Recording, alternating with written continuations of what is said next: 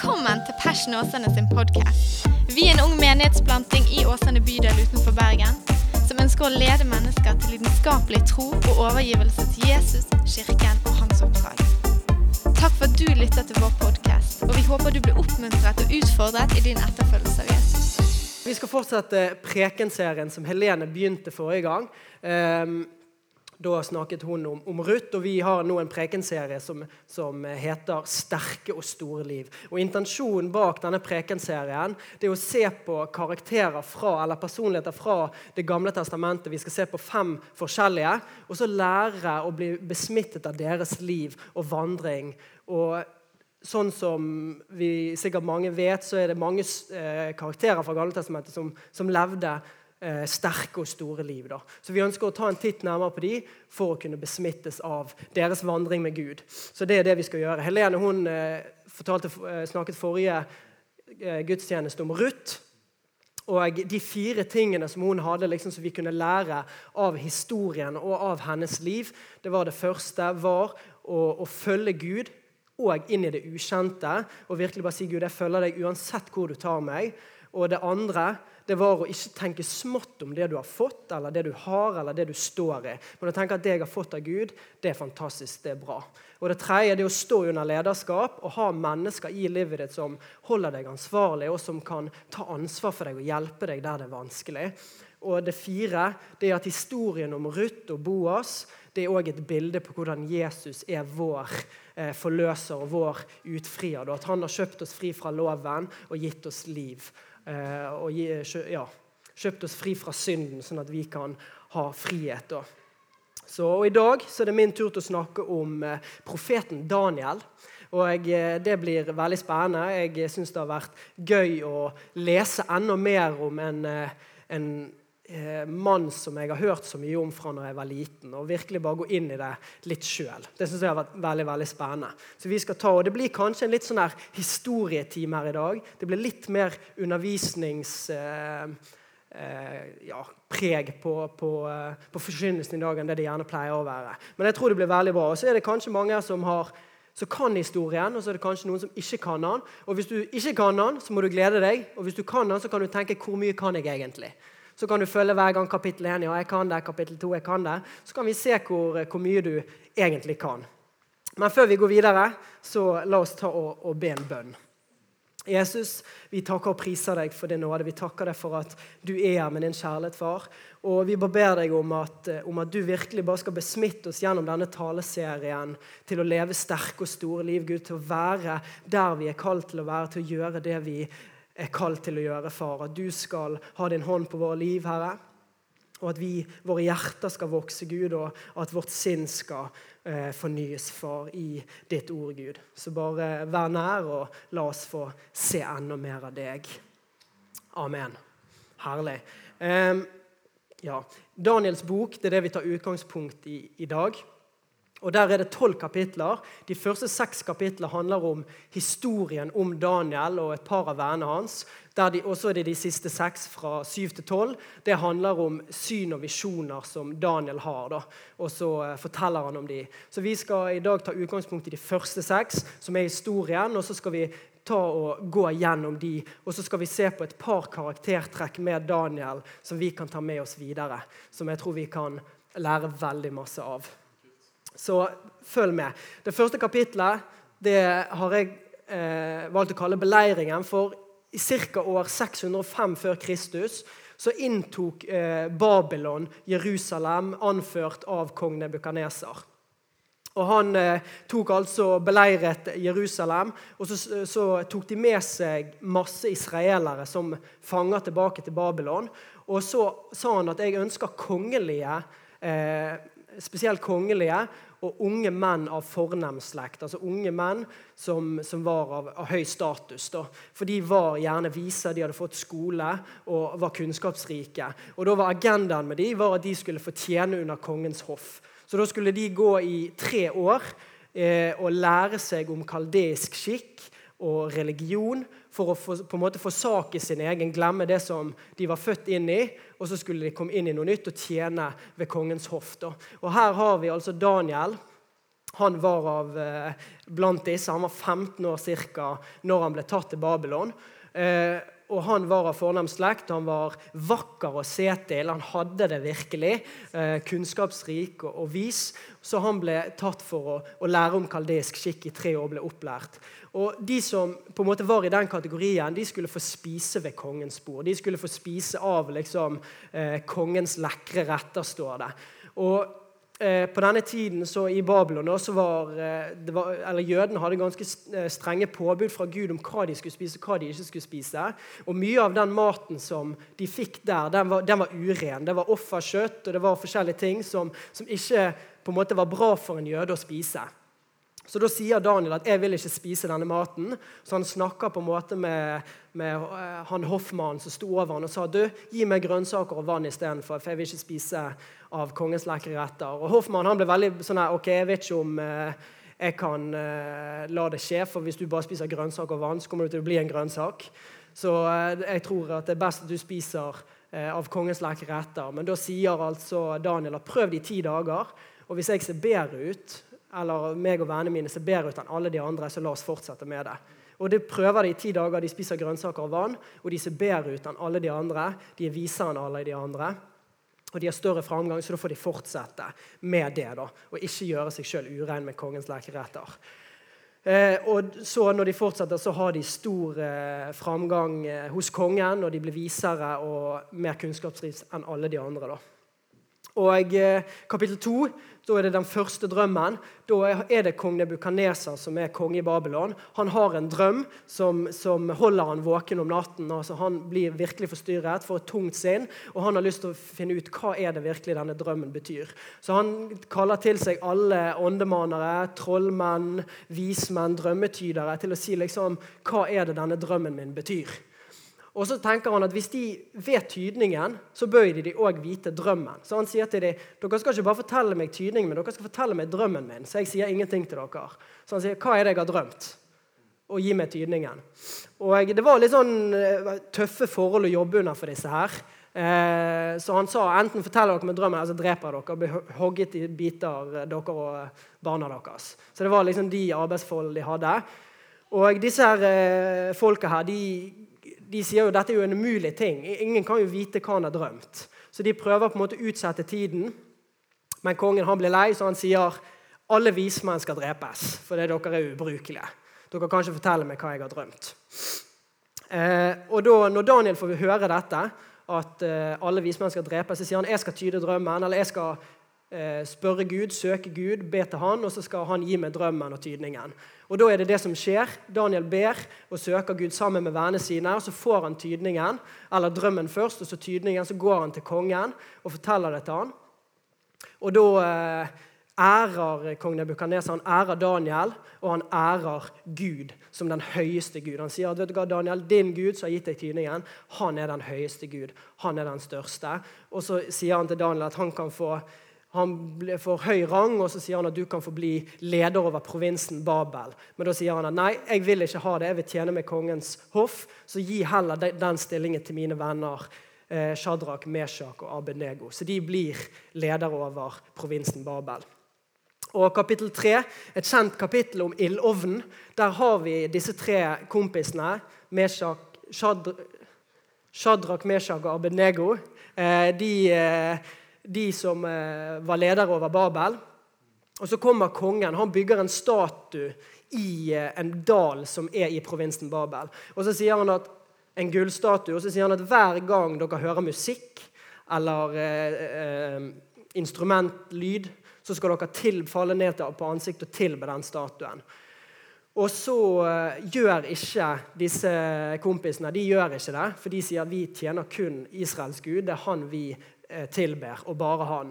Og det, det var litt sånn her eh, hva skal jeg si, Det var noen sladrehanker i eh, Babylon på den tiden. De likte å sladre på hverandre. Så det kom fort fram for kongen at de tilba ikke gullstatuen når de hørte musikk.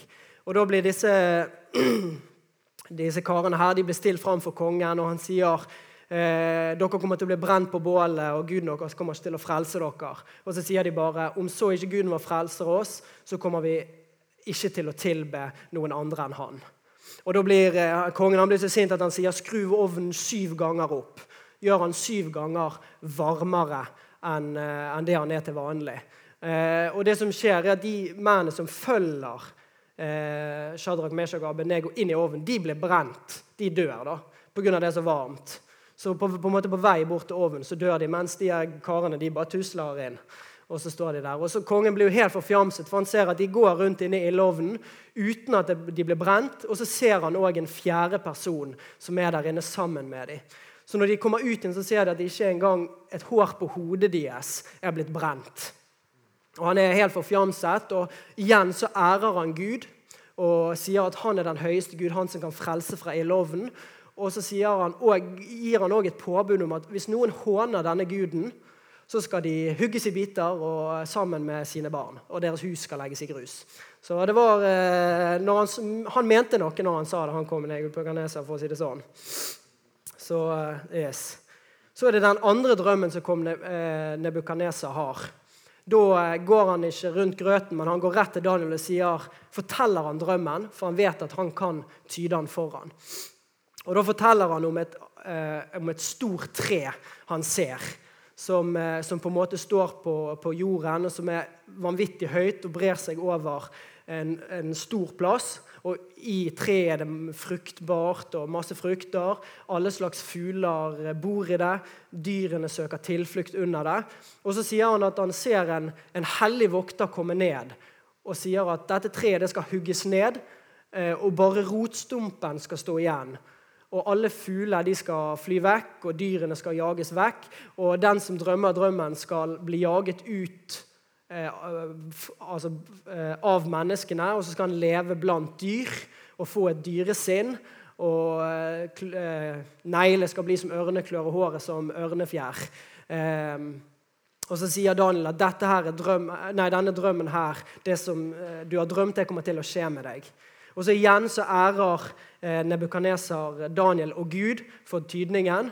Og etter en stund, eller etter eh, ja, en god stund, så står kong Nebukaneser på, på, taket sitt, og så ser han over Babylon, over riket sitt, så slår han seg for brystet bare 'Jeg er en stor mann. Se alt jeg har fått til.' Og Da kommer det en stemme fra himmelen som sier 'Denne drømmen over han'. Og da skjer det at han blir drevet ut av menneskene. Han får et dyrehjerte eller et dyresinn og lever som et dyr i sju tider, står det, helt til Gud gir han forstanden sin igjen. Og Det som skjer når han får forstanden sin, det er at han får gå tilbake igjen til riket. Men da ærer han Gud, og så sier han at bare han er Gud, og bare han kan gjøre de hovmodige ydmyk.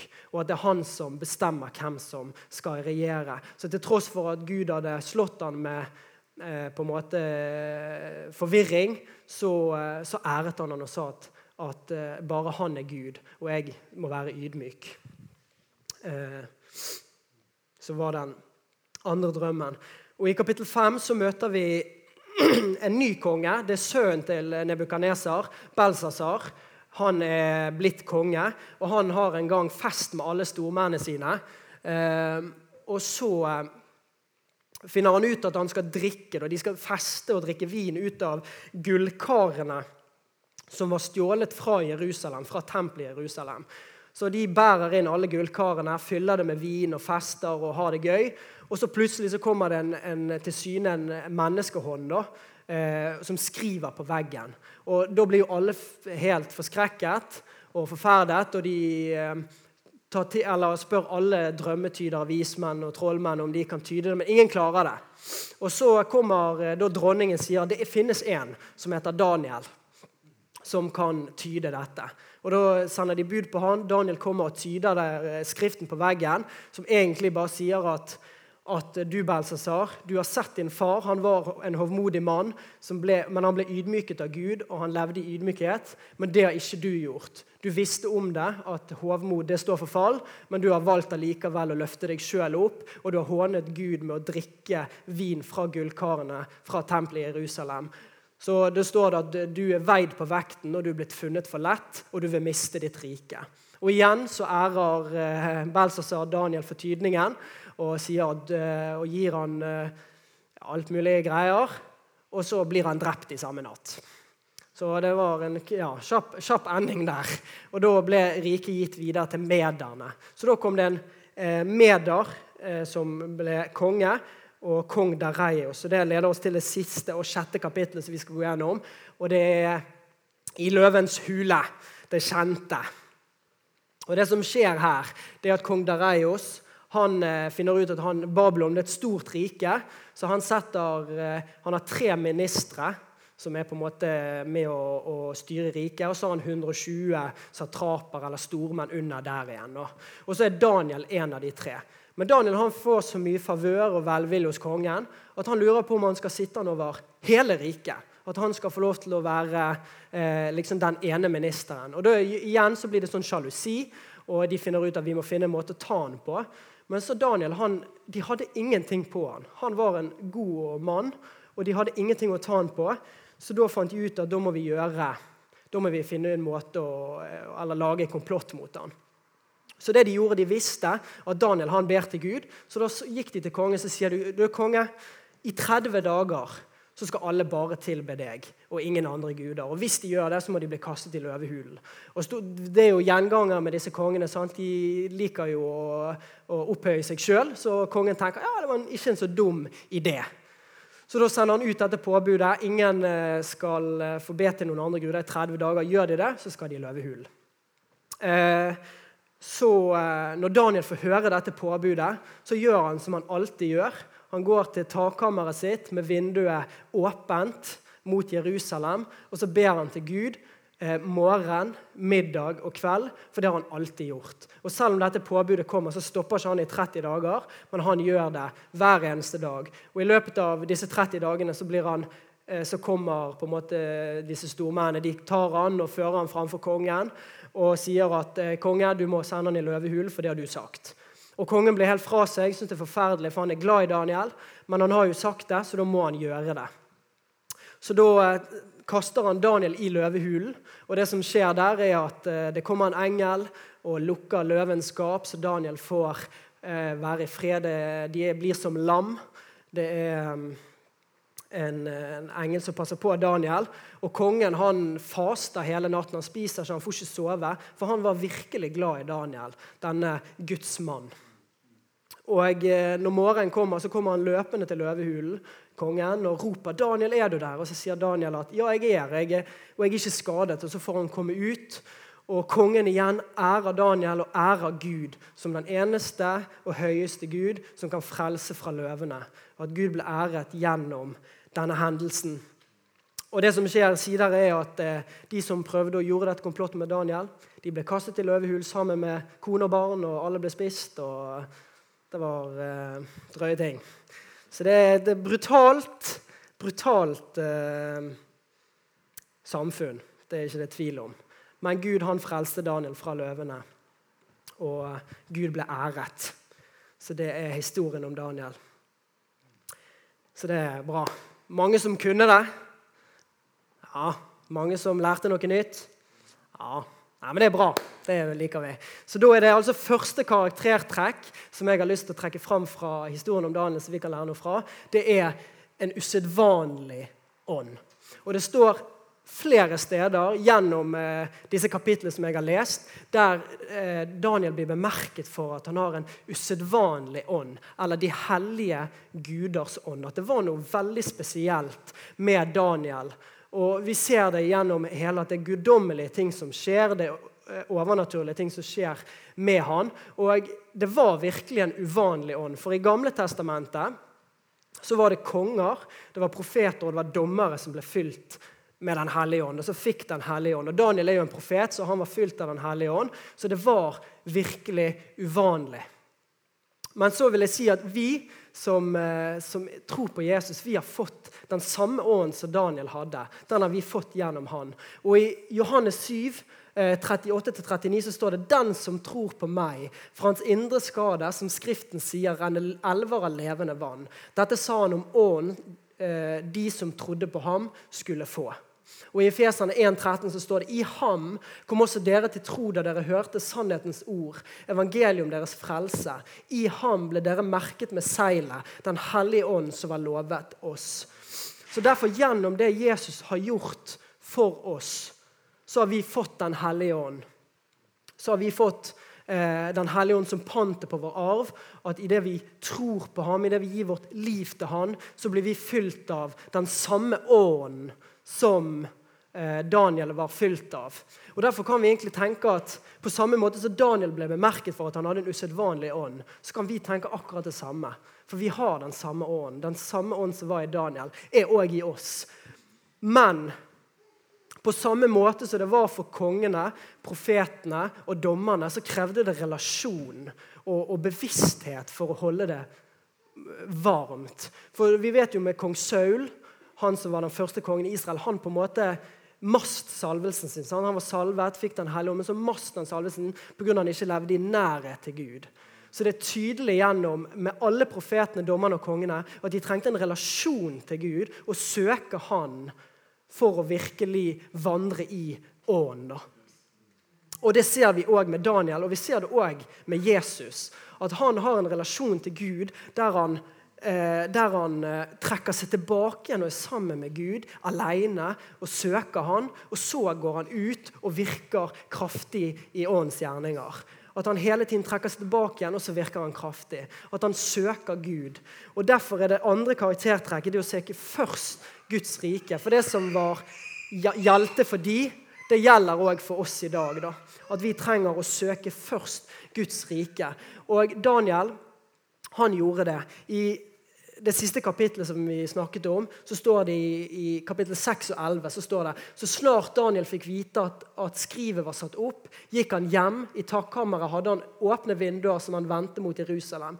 Tre ganger om dagen falt han på kne for sin Gud med bønn og lovprisning, for slik hadde han alltid gjort. At Det var tydelig at gjennom hele Daniels liv så vendte han seg mot Gud først så søkte han han, og så ga han eh, han ære. Og I, i Matteus 6, eh, 33 så står det så først Guds rike og hans rettferdighet, så skal dere få alt det andre i tillegg. Og Jeg har lyst til å gjøre en bemerkning i forhold til morgen, middag og kveld. Når Daniel ble tatt til Babylon, så var jo en av de første tingene vi leser, at han, at han sier jeg vil ikke ta del i kongens lekre retter, men jeg vil ha grønnsaker og vann.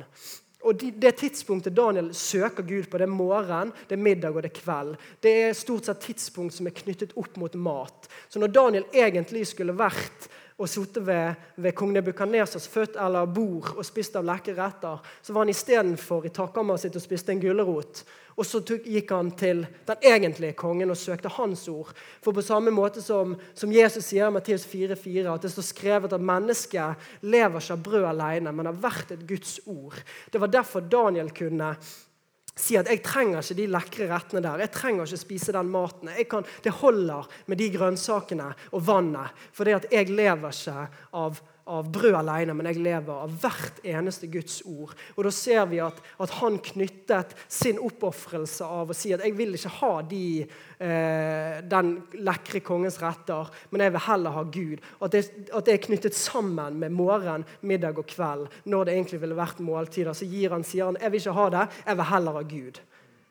Så når han egentlig skulle vært og spist hos kong Nebukadneser, så var han heller og spist hos Gud. Så det er utrolig sterkt. Og jeg tror det kan være sånn for våre liv òg at vi ofte kan møte utfordringer i møte med akkurat dette her. Spesielt i eh, nå. Det har sikkert alltid vært utfordrende pga. jeg tror at det er en kamp, det er en åndelig kamp i forhold til å søke Gud.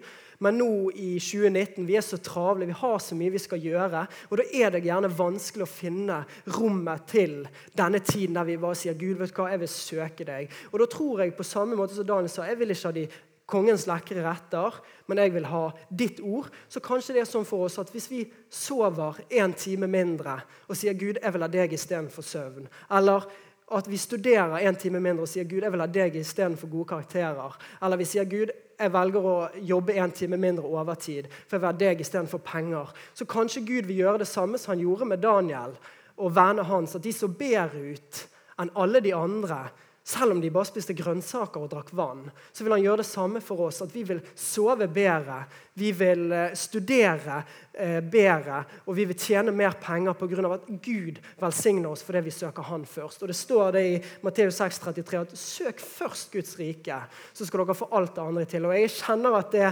utfordrer meg veldig Jeg liker å sove, men jeg kjenner jeg blir utfordret på det. Vet du hva, Tør du å gi meg søvnen din? Tør du å, å være trøtt til fordel for å søke meg? Og det kjenner jeg ja, jeg blir utfordret til det. Så derfor søk først Guds rike. Der er Daniel et stort forbilde for oss. Morgen, middag og kveld. Og det tredje det at han brukte sine talent til å tjene sin verden der han var. Og jeg tror, jeg tror vi har veldig masse å gå på. Jeg tror hvert enkelt menneske er gitt eh, kvaliteter og egenskaper av Gud. Sånn som det står i, eh, i Efesene 2,10, at vi er Hans verk, skapt i Kristus Jesus til gode gjerninger som han på forhånd har lagt framfor oss, og vi skal vandre de. At hver enkelt av oss har gudgitte egenskaper og talent som vi skal få lov til å bruke i vår verden. Men det som er viktig i møte med dette sånn For Daniel han tjener sin verden der han er. Babylon det er på en måte syndens pøl. Sånn han tjener kong Nebukaneser, som drepte og hadde sikkert mange koner. Altså det, var, det, var, masse som var feil med det riket, men allikevel så brukte han sine talenter til å, til å tjene uten at det gikk på kompromiss av at han søkte Gud først, og at han sto fast på hans ord. Og jeg tror det samme gjelder for oss. at Vi trenger å, stå fast på Guds ord, og vi trenger å søke Han først. Og Så lenge det legger i bunn, så tror jeg vi kan tjene vår verden uansett hvor det er, på hvilken arbeidsplass som helst, og bruke det vi har fått, og så vil Gud bli æret. For vi ser det sånn at Daniel han, eh, han eh, tyder drømmene til, eh, til kong Nebukadneser. Og så er dette ordene som kong Nebukaneser kommer med når, bruk, når, Daniel bruker sine talent. Så står det kongen tok til orde og sa til Daniel sannelig deres Gud er Gud over alle guder og herre over alle konger. Han ærer Gud når, han, når Daniel bruker det han har fått av han, så ærer han og sier vet du hva, Gud han er stor. Og På samme måte tror jeg det er for oss når vi bruker våre talenter det, som Gud har gitt oss, så vil Gud bli æret for det. Og I Daniel 4, 37 så står det Jeg, Nebukadneser, lover, priser og ærer nå er himmelens konge, for alle hans gjerninger er sanne og hans veier rette. Han kan bøye dem som er hovmodig i sin ferd. Dette var etter han hadde levd som et dyr i, eh, i lang tid. Eh, så, sier, så, ærer han og um, løfter opp Gud. Så Derfor så kan vi være frimodige med å bruke de talentene vi har fått. og, og, og akkurat der vi er i vår verden, på den plassen som vi er satt. Det siste det er at Daniel var i verden, men han var ikke av verden. Og eh, Daniel han ble jo tatt fra Jerusalem, fra Israel eller Juda. Og så ble han tatt til Babylon og ble lært opp i kaldeisk skikk sant, i tre år for å forsake på en måte det han kom fra, for å glemme sine forfedre, for å glemme sin Gud. Og han hadde et ekstremt ytre press som sier at du skal være sånn og du skal være sånn. Men allikevel så, så ble ikke han lik den verden han var en del av. Han var midt i verden, men han var ikke av den verden. Han var ikke lik den verden, men han var lik Gud. Og sånn Han lever jo med en altså der, Hvis du gjør sånn, eller du gjør sånn, eller du ikke gjør sånn, eller ikke sånn, så blir du liksom hugget i biter. Det var på en måte, det var relativt tøffe forhold å stå i. Men allikevel sier han vet du hva, jeg vil ikke la meg bli urein. Jeg har lyst til å ha Gud i sentrum. Jeg vil at han skal være sentrum av mitt liv. Og han gikk mot kulturen, selv om det kunne bety at han ville bøte med livet. Og ja, her står det sant, Daniel 1,8 da han hadde bestemt seg for at han ikke ville gjøre seg uren med maten og vin fra kongens bord. Han ba hoffsjef om å få slippe å gjøre seg uren. Og I Daniel 2, 48-49 så står det så ga kongen Daniel høy rang og mange store gaver. Han gjorde ham til hersker over hele provinsen Babel og til øverste leder for alle vismennene der. Da Daniel ba om det, sa til kongen Shadrach, Meshach og Abenego over provinsen Babel. Daniel selv ble ved kongens hov. Daniel visste hva han var kalt til. Og Derfor så sa han at han ble satt til å være leder over hele provinsen Babel. Men han sa nei, vet du hva? det er ikke det jeg er kalt til. Jeg er ikke kalt til å, å skulle lede og styre, men jeg er kalt til å være med kongens hoff. Så han ga fra seg makt. Han ga fra seg fordi han visste at dette er ikke det jeg er kalt til. Og så mange, Vi ser det på alle kongene som går igjen her, at uh, at de ønsker makt. Sant? De er hovmodige. Men Daniel han gikk helt motsatt. Han sier jeg vil ikke ha makt, for jeg vil være der Gud har kalt meg. Han ville ikke være lik den verden han var i. Og I Johannes 17, 16 så er det Jesus sin overprestelige bønn for oss. Så sier han de er, de er ikke av verden slik jeg ikke er av verden. Og På samme måte tror jeg det skal være for oss. At vi er ikke av verden, men vi skal få være i verden. Og Forrige gudstjeneste eh, under lovsangen så opplevde jeg at Gud eh, talte til meg, begynte å tale til meg før jeg egentlig hadde begynt å se så mye på, på, eh, på denne historien om Daniel og, og forberede meg til forkynnelse, så opplevde jeg at han begynte å tale til meg fra det jeg allerede hadde fra før. Så begynte han på en måte med disse lekre rettene. For det er noe som, som jeg har lært fra tidlig av.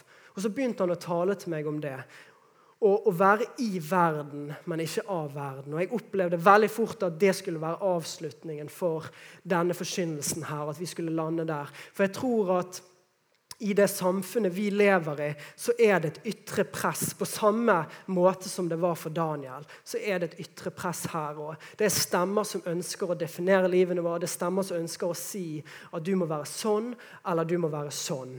Og hvis du ikke er sånn eller ikke sånn, så er ikke du en del. Så får ikke du tilhøre.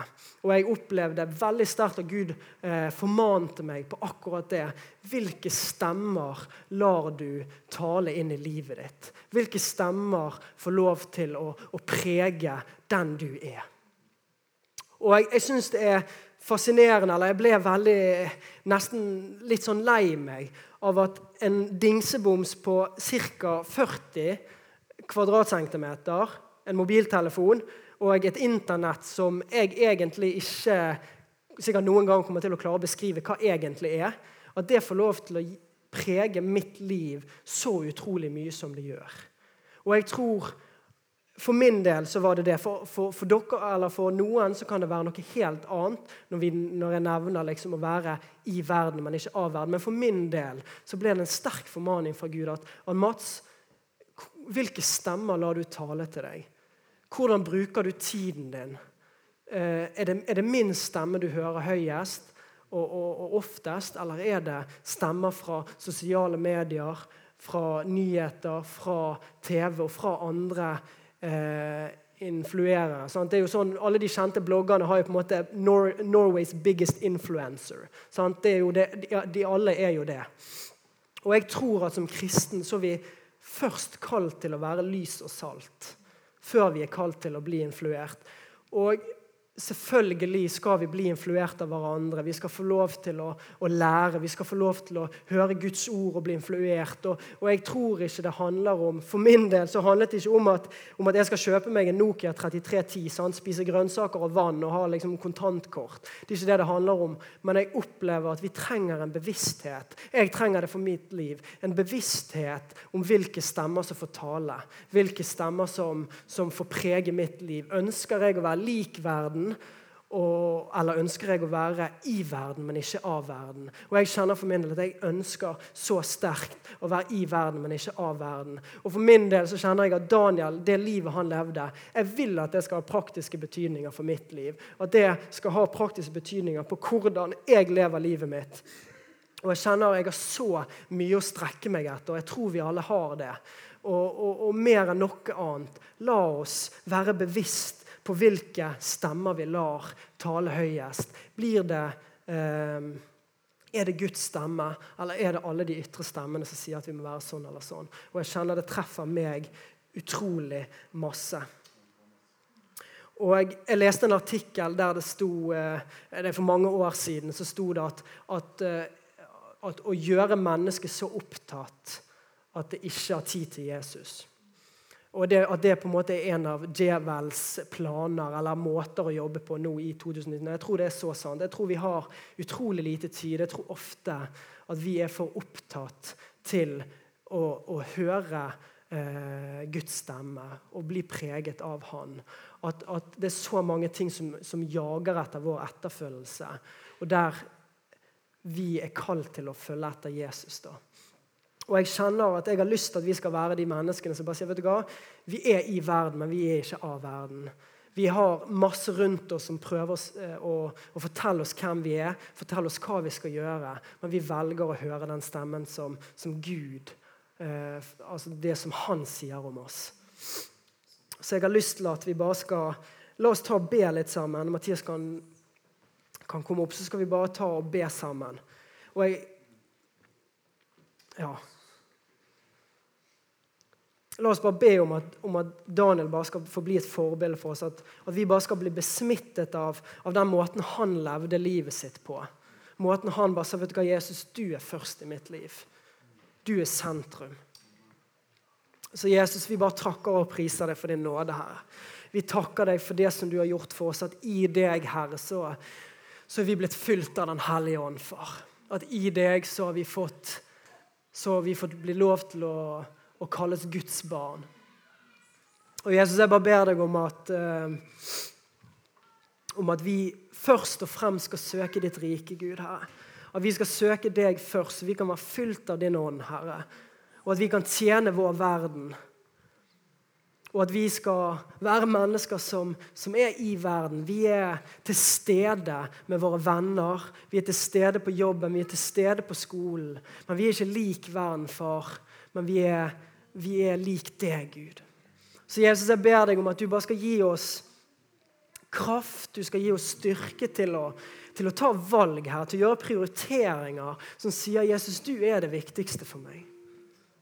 Og Jesus, om det er for andre her som det er for meg, Gud, i møte med sosiale medier, i møte med, med, med internett, far, og bli preget av, av, verdens kultur, Herre, så bare ber jeg deg om at du skal gi oss et bevisst forhold til hvem som får tale i vårt liv, Herre. Og Jeg ber deg om at du skal knytte oss enda sterkere sammen, far. At vi skal hjelpe hverandre, at vi skal influere hverandre til å søke deg, til å, til å vandre i din ånd og til å elske hverandre og til å elske vår verden, far, sånn som du elsker vår verden, Gud.